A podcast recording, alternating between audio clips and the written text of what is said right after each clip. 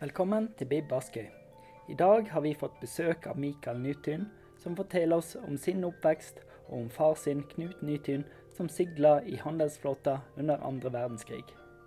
Mikael fant etter sin fars død en rekke dagbøker fra krigen som ble til ei bok av Jon Michelet. God fornøyelse. Utrolig glad for at du kunne være med oss her i dag, eh, Mikael Nytun. Eh, det er jo en eh, veldig spennende historie. Jeg har lest her en krigsseilers dagbok. Og når jeg hørte om bakgrunnen for dette, her, så ble jeg bare kjempe kjempenysgjerrig. For disse dagbøkene fant jo du etter hans død. Men jeg tenker at vi skal begynne litt, uh, litt med, med, deg. For jeg tenker at du har en veldig spennende historie, du òg, veldig interessant. Så jeg tenker det at for du er ikke Du var ikke født og oppvokst de første årene i Norge? Nei, det, jeg kommer jo egentlig fra Tyskland, fra det som kaltes for Vest-Berlin. Der bodde jeg i fem år før jeg kom til Norge. Eh, min mor hun eh, fikk meg og min søster egentlig tvilling. Så hun fikk oss, og så etter fødselen så ble hun veldig syk. Eh, hun fikk eh, en sykdom. Hun var syk fra før òg, men hun fikk en veldig eh, eh, tung stoffskiftesykdom. Så hun klarte seg faktisk ikke ta seg ut av oss. Så vi ble sendt på barnehjem de første årene. Faktisk alt helt til jeg var fem år gammel. Vi eh, var heldige og fikk lov å besøke min mor sånn av og til i helgene. Ellers så bodde vi på barnehjem. Uh, for å si det sånn at det var jo ikke noe kjekt å bo på barnehjemmet. Jeg, jeg, husker jo det at uh, vi lå på stålsenger, faktisk alt fra krigen. Dette var jo i 758, og vi hadde ikke madrass i sengene engang. Vi fikk et ullteppe på syvende, så vi lå på disse fjørene. Og så fikk vi et ullteppe over oss.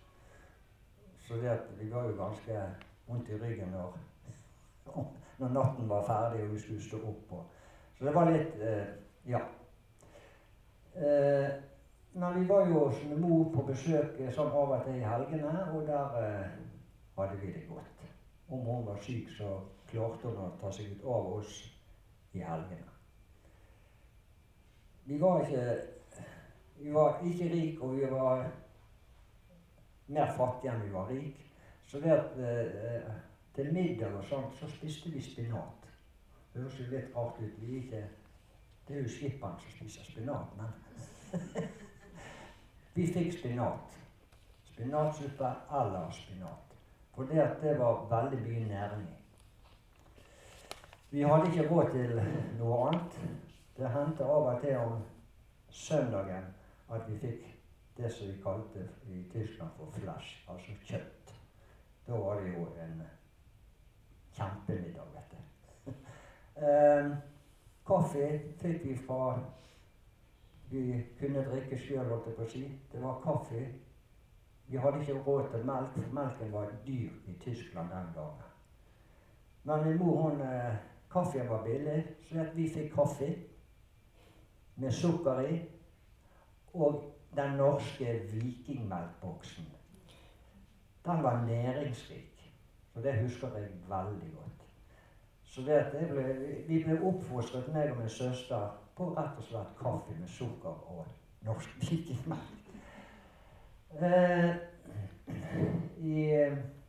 vi var hos min mor i julen, og på julaften og dette her Så, så vi, vi, hadde jo en toroms Kall det for leilighet.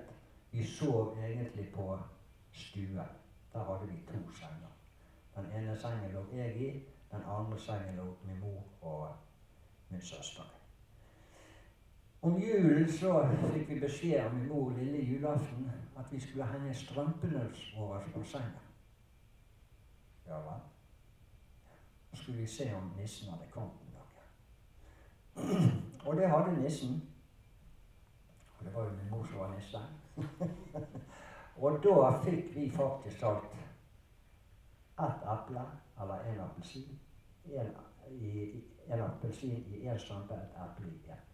Det var julepresangene vi fikk. Juletre hadde ikke vi. Og, men vi var jo glad for det vi, vi fikk, da. Det var vi jo. Så eh, min mor gjorde noe helt sikkert det beste ut av det som hun kunne. Det var litt av meg sjøl. Så kom jeg da til Norge.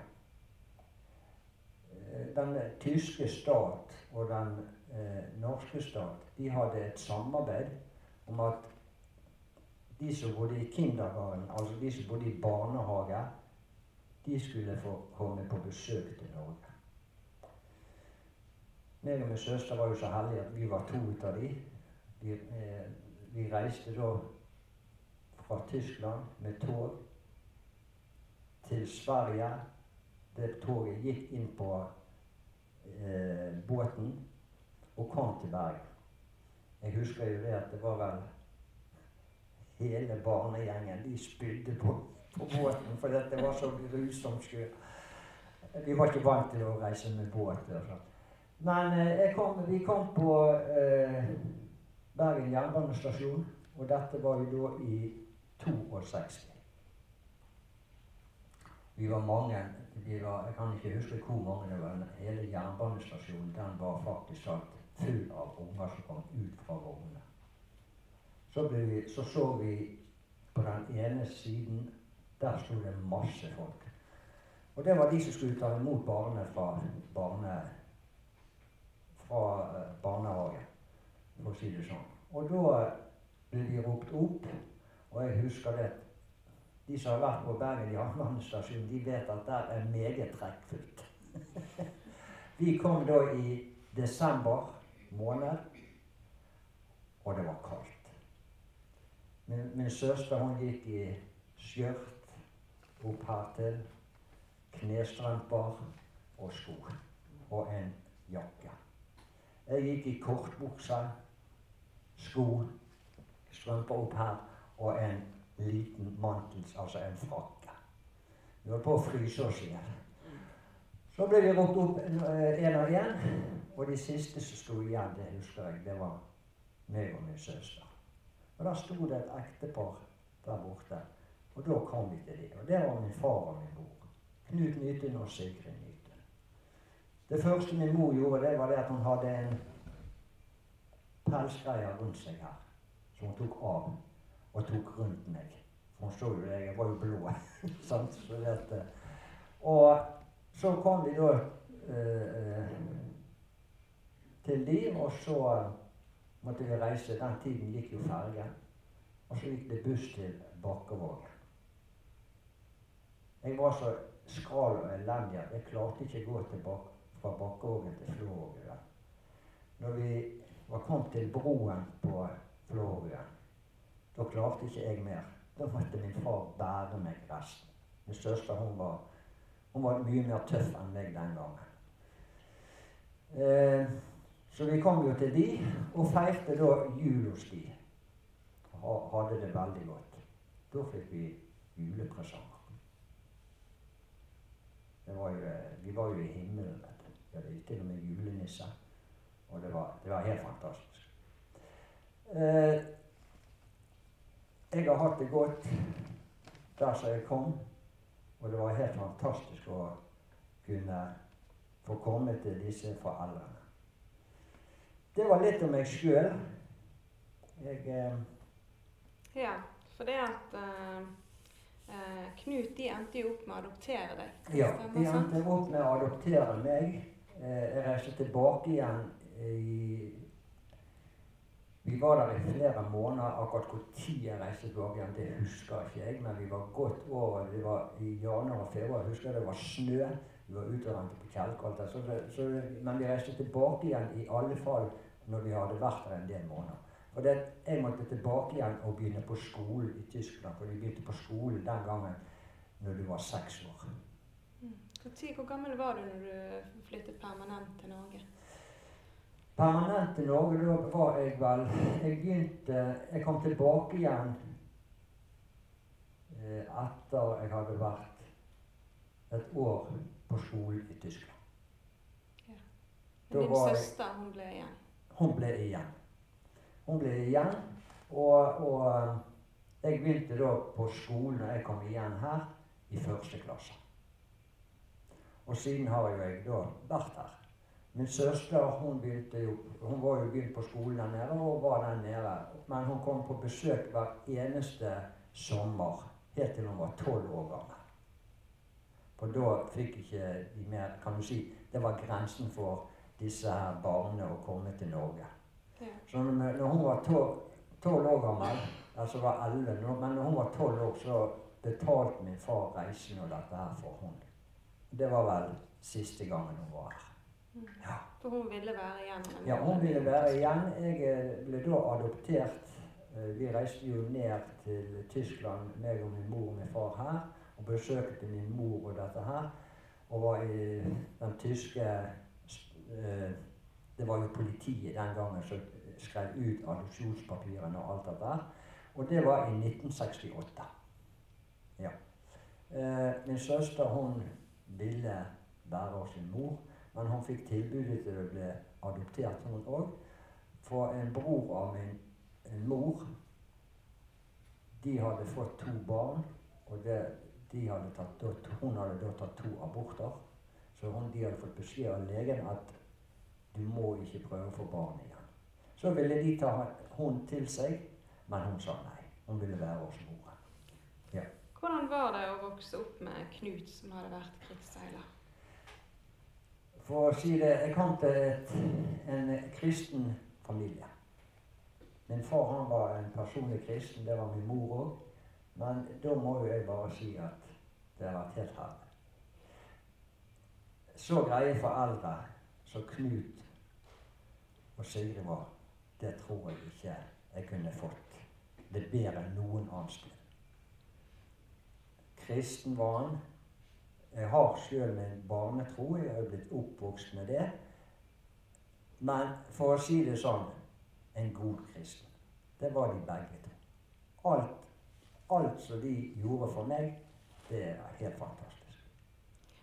Eh, For det, Du har jo med deg litt forskjellige eh, ting her i dag. Han snakket jo ikke så mye om å være krigsseiler, men han hadde med seg ting fra den tiden eh, tilbake. Annet den damen som vi har stående her. Kan Ja. du si noe om den damen? Ja, den damen den eh, hadde han med seg eh, på båten. Jeg har bilder fra den gangen eh, han var krigsseiler. Så har jeg bilde fra lugaren hans. Jeg ser det på det bildet der. Der er han ikke, men jeg har bilde der er den damen med. Og hun heter Shirley. Sannsynligvis har, hun kjøpt, har han kjøpt den i England. Sannsynligvis. Jeg kan bare tenke meg det. For de fartet jo over til England veldig, veldig mye. Og jeg tror han har kjøpt den der. Så den hadde han med seg. Og når jeg var barn, så husker jeg på soverommet på kommoden, så sto den damen der. Jeg visste ikke den gangen hva, hvor han hadde fått den ifra, eller noen ting. Men i dag vet jeg det. Ja, Ja. Så han hadde alltid hun med seg. Ja. spesielt. Ja, for han hadde vel òg en uh, dame som han skrev brev til i uh... Ja, han hadde en venninne i Liverpool, i England. Der hadde han en venninne i mange år. Eh, han skrev med hun helt til hun døde. Og jeg var vel en Kan tenke meg at jeg var en 15-16-17 år. Da sluttet han, for det da døde hun. Han skrev kort julekort til henne hvert eneste år. Det var en venninne som han hadde borti, og så han hadde truffet da under krigen. Så det var noen vennskap som holdt seg? Ja, det holdt seg hele tiden. Ja. Ja, for det Men hvordan Altså, etter hans død ja. så fant jo du disse dagbøkene som, eh, som denne boken er, er bygget på. Eh, og sånn som jeg har forstått det, så fortalte han ikke noe særlig om hvordan det var å være krigsseiler i oppveksten. Nei, han fortalte aldri om krigen. Det eneste han har falt, fortalt han, Ikke fortalt, men han nevnte det. At de var tatt i fangenskap i Bone i Algerie. Det var det eneste han noensinne fortalte. Ellers fortalte han ingenting. Han fortalte ikke hvordan at de rømte derifra eller noen ting. Fordi at han, han eh, snakket av og til litt om Algerie. For jeg lurer faktisk på om han hadde lyst til å reise tilbake igjen til Aksel. Bare for å se. Eh, jeg vet ikke. Men jeg, den gangen, kan du si, når jeg var på å si det, når jeg var ung, så var ikke jeg så veldig interessert i å høre heller. Vi hadde mye andre ting å ta oss til. Så det er, kan du si eh, Særlig i ettertid, når jeg fant disse dagbøkene, da har det blitt mer interessant. Ja, det hadde blitt en annen. For, for hvordan, hvordan var det å lese dagbøkene om å vokse opp med en far som ikke snakket om det, men også på en måte plutselig finne så Han har jo detaljert gått gjennom alt i disse dagbøkene. Hvordan var det å finne disse dagbøkene og, og, og lese om hans opplevelser og reiser som krigsseiler under krigen? Vi fant eh, disse dagbøkene når meg og min datter Veronica ryddet i huset til min far. Da fant jeg en eske, en eh, pappeske med en hyssing rundt. Så så vi bare nedi der lå noen bøker, så sier jeg de der tar vi nå vare på. Jeg visste ikke at det var dagbøkene. Så ryddet vi, den at esken tok med meg hjem. Så ble han liggende. Så var jeg nede i nøstet mitt og holdt på med båten. Så hørte jeg om eh, om eh, han eh, Jon Michelet. Han intervjuet en krigsseiler. Så tenkte jeg meg eh, Ja, kanskje det Det kan være noe nedi den esken som jeg skulle sett på. Så det at jeg så på det, og da fant jeg ut Det var faktisk dagbøkene til min far. Og den esken hadde ikke vært åpnet etter han kom hjem. Så det at da Og dette var jo faktisk sant ett til to år etterpå vi fant det. Så tok meg og Veronica og ville faktisk talt snakke med Jan Michelet om disse dagbøkene. Så for å gjøre den historien litt kort, så sendte vi eh, enkelte eh, utskrift fra dagboken, og Jan Michelet ble så interessert at han ville skrive bok om det. Eh, når jeg leste da dagboken, eh, en del av det måtte vi jo forstørre opp pga. det at han hadde hatt de med seg under hele krigen, og på eh, når han rømte fra Bone i Algerie, så de var blitt litt, litt våt. Så vi, vi måtte jo eh, finne et firma i Bergen som vi fant, og de måtte eh, stensilere det opp i større skrift, sånn at vi kunne forstå det. Var veldig rart å lese om dagbøkene og alt det som han hadde vært med på. Eh, men da tenkte jeg altså Helt utrolig at du har aldri hørt noe om dette her. Han har aldri fortalt noe som helst om det. Så det at jeg ble litt overrasket, og så ble jeg veldig glad når jeg leste dagbøkene hvor bra han taklet egentlig krigen. Ja, for det var noe av det som, som imponerte meg veldig eh, når, jeg leste, eh, når jeg leste denne boken her. Det var jo på en måte hans måte å, å beskrive ting på. Og han eh, Altså, det er jo mange ting som utpeker seg, både på hvordan han beskriver hendelser, hvordan han beskriver undervannsbomber på en måte. Og, og, og, det, og du har undervannsbomber der også når han går og legger seg. Ja, det er helt utrolig. Mens det, Ja. mens det, mens det pågår. Eh, eh, og, og det er alt fra eh, små detaljer til, til store ting som en på en måte griper fatt i. Altså, han har til og med også skrevet om en skipskatt. Det stemmer. Han har skrevet om en skipspus. og det står i boken her. Det vil jeg gjerne lese. Synes På det mellommenneskelige plan, så midt innimellom krigen og alt, så kommer det plutselig noe om en katt. så, så, jeg bare syns at det lille avsnittet var litt sånn fint. Uh. Ja, jeg, ville gjerne lese det fra. De hadde da vært på land, og eh, i halv elleve-tiden om kvelden gikk det ny alarm. Vi rodde igjen i land og tok katten med oss. Da hadde de funnet den pusen. Det gjorde vi forresten alltid når vi bare kunne finne den i farten. Katten var en liten kattunge som fulgte med anemaskinisten en kveld i Marseille. Den, da den ikke ville snu, puttet han den like så godt i trøyelommen og tok, den med om bord. Det var en brunfarge.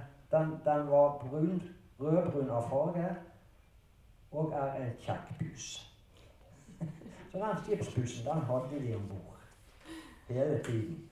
Uh, ja, for jeg synes altså, Mye i den boken òg er, er, liksom det eh, medmenneskelige. Og, det, og, og, en av de, altså, Han var jo dypt kristen. Eh, og det er veldig masse der, mange av disse krigsseilerne som drakk mye. og og alle har ulike måter å, å, å, slukke sorgene på, skulle jeg til å si. Eh, men en av de tingene så var det altså Fordi om han var kristen og han drakk ikke Han var jo med innimellom og på ulike andre ting, og noen ganger valgte han andre aktiviteter. Men han, han skrev aldri et stygt ord om de andre som valgte en annen livsførsel enn han valgte. Altså Han hadde sin tro, men han var aldri fordømmende eller mente at han var bedre enn noen andre på en annen måte, selv om han valgte eh, å gjøre andre ting. For det, Eh, midt oppi krigen så eh, var han jo òg på ulike kulturelle aktiviteter. Og både sang i kor og gikk på kino når det var mulig. Ja, det stemmer. Eh, jeg eh, vil gjerne lese litt om 1. januar 1941. Da eh, hadde de jo egentlig en sammenkomst vi gikk først rundt og tok hverandre i hendene og ønsket alle et godt nyttår og takket for det gamle. Vi som hørte til på Langanger. På Langanger det var et Vestfold Larsen rederi som hadde en båt som het Langanger, og det var den han reiste på den gangen. En av båtene. Etterpå gikk alle i offisersmessen bort til Regina for å gjøre det samme der. Regina det var en norsk båt som var et rederi i Kristiansand som var også tatt til fange i Bone, sammen med Langanger. Fra offisersmessen på Regina hadde vi fått skriftlig nyhetshilsen. Vi foretrakk å bringe den muntlig. Vi gikk inn til førstestyrmannens lugar, men fant ingen hjemme. Det viste seg at både offiserer og mannskap var samlet i matrosmessen, hvor de hadde spleiset på fest. Da vi da vi kom, skulle de nettopp til å drikke kaffe. Vi måtte være med inn alle sammen. Klokken var omtrent halv tre om morgenen da jeg kom om bord igjen og gikk til køys. Så eh, skriver da John Michelet, bare sånn litt på morsomhet, har Knut hatt seg en sjelden rangel. For han var jo den som gikk faktisk alt og lå seg i halv tolv-tolv-tiden. For det var jo eh, Han skulle jo kanskje vakt igjen i maskinen når klokken var fire. sant? Så det at eh, det, det, var jo veldig seint for han, da. Ja, ja, for han var jo en av de som gikk og la seg tidlig, ja. og som gjerne bedrev med litt andre ting. Men han ja. hadde også, eh, det er en ting jeg vil bare trekke fram. Vi skal jo litt nærmere inn på den flukten fra Bono og sånt òg. Men en av de tingene som rørte meg òg, var det at han hadde jo Det var en kamerat fra en av de båtene, tror jeg, som endte opp på sykehus. Ja, han hadde en kamerat faktisk alt, Han var faktisk alt i familien med han.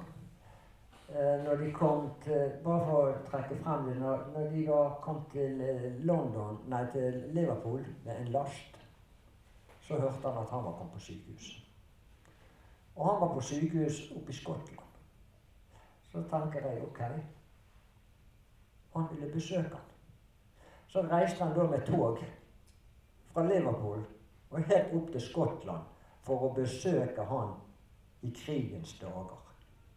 Mens de sannsynligvis losset båten. Det er helt fantastisk. Dette er sånn som man Ja, egentlig er- mest må lese boken Ja, for å du må skjønne hva skjønne hvilken medmenneskelighet og, og, Ja, og prioriteringer han har gjort eh, når han var, var på land. For det er på en måte, når jeg leste dette her, så det varmer hjertet litt når man ser hvor mye omtanke han har hatt for andre enn en seg sjøl. Ja. Og det står beskrevet hele togreisen og hvordan han var som eh, eh, så, Som menneske så grep meg litt, for det, det står mye om krigen her. Det, det står mye om seilingene deres og sånt, men også, man får også et veldig godt innblikk i hvilket menneske Knut Nytun, eh, eh, Nytun var. Men akkurat den eh, flukten fra boende, den tenker jeg, den har vi jo vært inne på flere ganger nå, og litt innom, så den tenker jeg gjerne hvis du ville lese eller fortelle litt akkurat eh, rundt den. For den er- var jo òg Ja, det har vi jo litt mer Nå har vi vært litt innom det, men eh, å få litt innblikk i, i hvordan han skriver. Hvordan, og de dagbøkene må jo ha vært veldig viktige, siden de jo da var pakket med De var pakket med i livbåten når de rømte fra boende i Algerie. Eh, For der ble de altså da tatt De eh, ble tatt til fange da av eh, eh, tyskerne der. Eh, båtene lå der, og de kunne jo gå på land og dette her. Så det må jeg da fortelle at de hadde vært på land. De gikk på kino under krigen. De som min far eh, skriver i boken, er at vi forsto ikke noen ting. Men vi hadde et sted som vi kunne gå, og så så vi på bildene, så vi forsto en del ut av det. Han og en annen kamerat de leide seg sykkel og syklet faktisk alt eh, mange mil. For det var et veldig fint landskap i Algerie, i Bone der. Det var veldig fint. Så de hadde Og badet gjorde de. De var på badestrand og badet. Det, det var helt utrolig egentlig hva de, hva de eh, kunne gjøre selv om det var krig. Eh,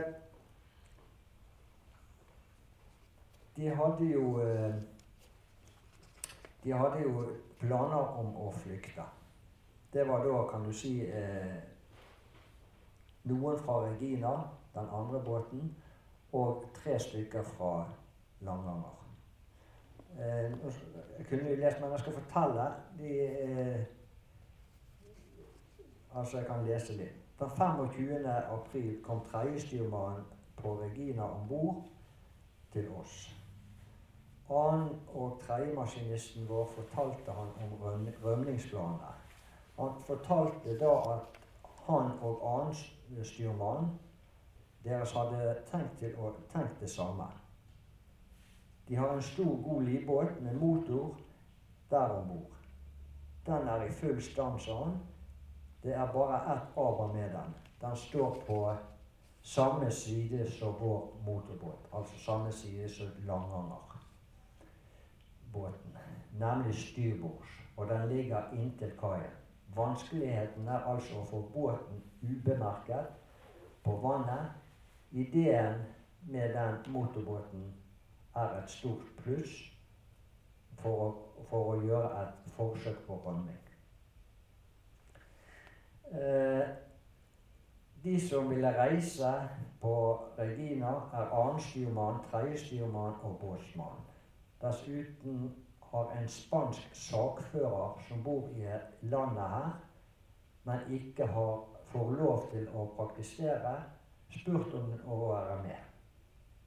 Han var spion for regjeringen sin side i det spanske borgerkrig og kan ikke komme tilbake til Spania. Han heter Antonio Ovivo. Ovivo.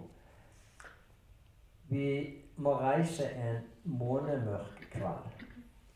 Her, her fikk vi besøk av uvedkommende og måtte avbryte samtalen. Mandag 28. april vi hørte referatet av Ke- eh, Churchills tale. Eh, Tredjestyrmannen på Regina kom inn til meg og spurte om jeg var fast bestemt til å rømme. Annen- og tredjemaskinisten vår hadde nemlig slått det fra seg. Grunnen på at trekket deres ville bli stoppet hvis de rømte, og da fikk familien deres ingenting å leve av. Uh, trekket er et fast månedlig trekk av et beløp i hyra som de to maskinistene sender til familien hjemme. Ellers som de i alle fall håper at familien hjemme stadig får fra Versvald Larsen i Bergen, selv om rederier har overdratt skuter til Nortraship. Slike hensyn det, dette her, Det som jeg leste nå, det er litt utenom. Bare forklaring hva, hva det trekket var. Så skrev han min far slike hensyn behøvde jeg ikke å ta da jeg var ungkar. Jeg sa derfor at jeg ikke kunne forstå annet enn at det var riktig av meg å reise for å ta en dyst ned. Jeg håper det er derfor uh, jeg vil reise, og at det ikke bare er eventyrlysten som drar meg. Det ville vel neppe være riktig. Jeg kan ikke tro jeg svikter noen hjemme. Det er for å gjøre mitt det er for å gjøre mitt til for at jeg skal bli fri. Trekken min er jo stoppet allikevel. Jeg vil helst være i handelsmarinen Krigsmarinen bryr jeg meg i går. Tredjestyrmannen på Regina nevnte vi måtte reise ca. om 14 dager. Jeg skulle få varsel et par dager før. De hadde strukket ut ruten, stykket ut ruten og ellers gjort alt klart. Han spurte om jeg kunne skaffe litt bensin. Jeg sa jeg skulle spørre annenmaskinisten, så kanskje jeg fikk lov til å ta en liten skvett. Bensin til Regina, eh, Reginas motorbåt var livsviktig. Avstyrmannen på Regina kom om bord om kvelden og sa at eh, forholdene tillater det, så kommer vi til reise natten til førstkommende lørdag. Vi blir ti mann. Alle, alt er gjort med hensyn til båten. Provianten var på plass, og siste natt bar de, bar de livbåttaljene på plass. Vi fikk beskjed om å være på kaien klokken 11. Jeg skal ta imot bagasjen deres. De låra ned fra poppen. Spanjolen skulle vi ta om bord på moloen utenfor havnen, og da, da han ikke har pass for å komme ned til båtene. Det ser altså ut til at det blir tidligere avreise enn først bestemt. Nå vet ikke jeg hvor mye jeg skal lese om dette. Nei, Du kan gjerne fortelle litt. Ja, jeg kan fortelle litt. Ja, det er kanskje litt, litt bedre, ja. for det, mm. det, det, blir en del lesing. Ja. Eh, de eh, reiste jo da med den livbåten og klarte å låre den ned uten at det ble merket. Så min far skrev i boken så var det et par mann der som ikke visste om at de skulle reise. Så det at en av disse herre gikk inn og serverte de kaffe, de to, med sovemidler. For at de skulle sovne tidligere, for de skulle reise da i, i ett-tiden, var det kallet, om kvelden, om natten. Eh, de klarte å låre båten ned, og reiste da og tok opp han spanjolen, for han sto jo på moloen. Så han tok de opp underveis. Og reiste da fra Bonde i Algerie, som i dag heter Annaba. Det heter byen i dag, men den gangen var det en havneby eh, som som sagt het Bonde. Så reiste de da, kan du si, derfra til Cartagena i Spania med den livbåten. De var ute i fela, vær og alt dette her. Det går jo an å lese om i boken. Men de kom da til Spania, Cartagena, og, og der eh, gikk de i land. Så står det jo videre i boken at de ikke ble tatt til fange, men de ble tatt eh, hånd om ut av Franco sine menn. Mm. Eh, men de ble godt eh, tatt hånd om fordi at de fikk eh, ligge på hotell. Så det at Eh, de kom seg iallfall dertil, og, og hvis jeg skal ikke fortelle noe mer, så kan de lese boken. Men det er en veldig interessant å lese om hvordan de egentlig kom seg derifra etter mener de hadde lagt der i vel et år. Ja, det er, altså jeg må innrømme at det er Jeg har ikke lest så mange krigsbøker, det kan jeg være ærlig å si. Eh, Denne var veldig, veldig fascinerende. Vi har vært mye innom det mellommenneskelige og sånn, men det, det er veldig mye. Altså det er jo mest om egentlig om å være på båten og om å reise disse kolonnene Ja og, og om flukten og om de tingene der. Og det anbefaler jeg på det varmeste å lese hele boken, altså for å få eh, sammenhengen i det. Ja, for at han var jo på fire båter, kan du si. Ja. Og den siste, den forteller nå da til slutt at den siste båten var, det var kronprinsessen. Den ble bygget under krigen, og det var kong Haakon som døpte den. Da reiste han med den, og det var den han kom hjem igjen. Den reiste da fra Israel med korn og greier til Bergen. Da kom han hjem eh, her i november 45. Og la til, da lå båten til kai i Bergen. Og da var faren og søsteren hans og tok imot den. Hvor lenge etter han kom hjem som krigsseiler, var det du var på besøk til Norge for første gang? Vet du, Han kom jo ne for første gang. Ja, jeg kom, jeg kom jo i, i 62 Ja. her til Norge. Første gangen. Så eh, Og han kom jo hjem i, i 1945 i november. Mm. Ja. ja.